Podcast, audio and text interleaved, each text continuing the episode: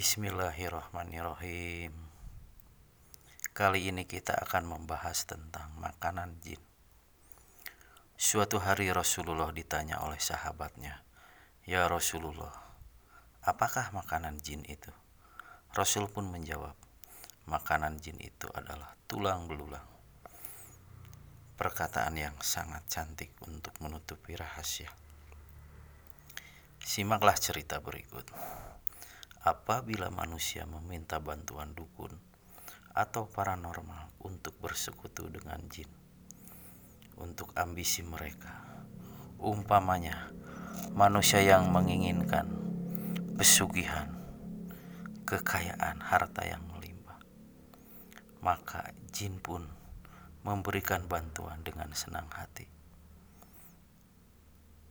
Maka manusia pun akan menikmati kelimpahan harta, rumah bak istana, mobil mewah, tanah luas, istri diganti dengan yang cantik, simpanan istri di mana-mana, jalan-jalan di Sanjung, surga dunia. Sampai suatu tenggat waktu, ada juga manusia yang menginginkan kesaktian. Pandai berkelahi, kebal bacok, ataupun ingin ditakuti orang. Ada juga yang menginginkan ilmu asihan untuk memperdaya seseorang, atau disebut juga ilmu pelet, atau apa pun keinginan ambisi duniawi untuk urusan sahwat mereka.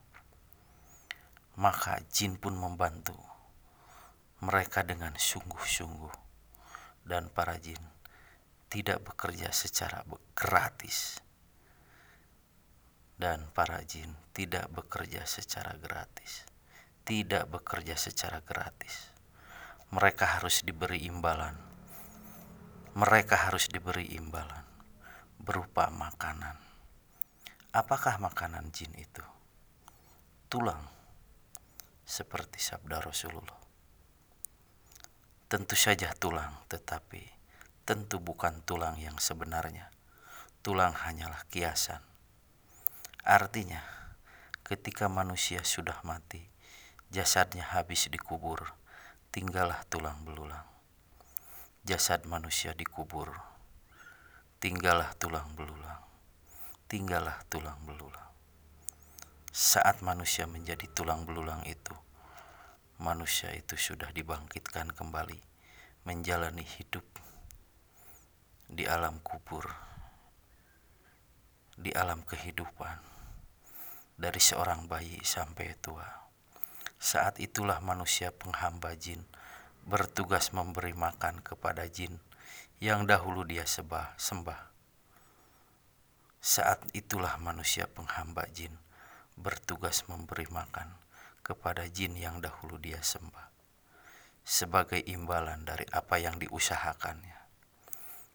Dan makanan jin itu adalah segala kezaliman, yaitu membuat masalah dengan orang di sekitar mereka, menipu, mencuri, mabuk-mabukan, berzina, berjudi, memfitnah, gibah, sombong, pelit, mempersulit urusan orang lain, makan makanan haram, usaha riba atau rentenir, dan mengolok-olok. Maka janganlah heran ketika melihat jenis manusia yang satu ini.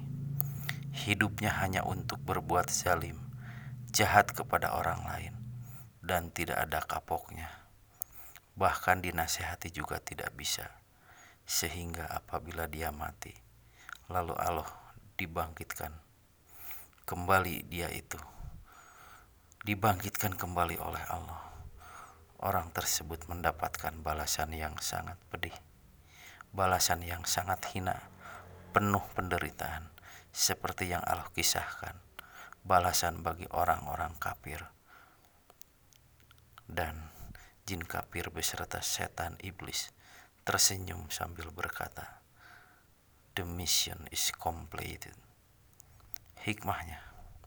Marilah kita menyembah Allah yang satu, bergantung kepada Allah yang satu, dan mintalah pertolongan hanya kepada Allah yang satu.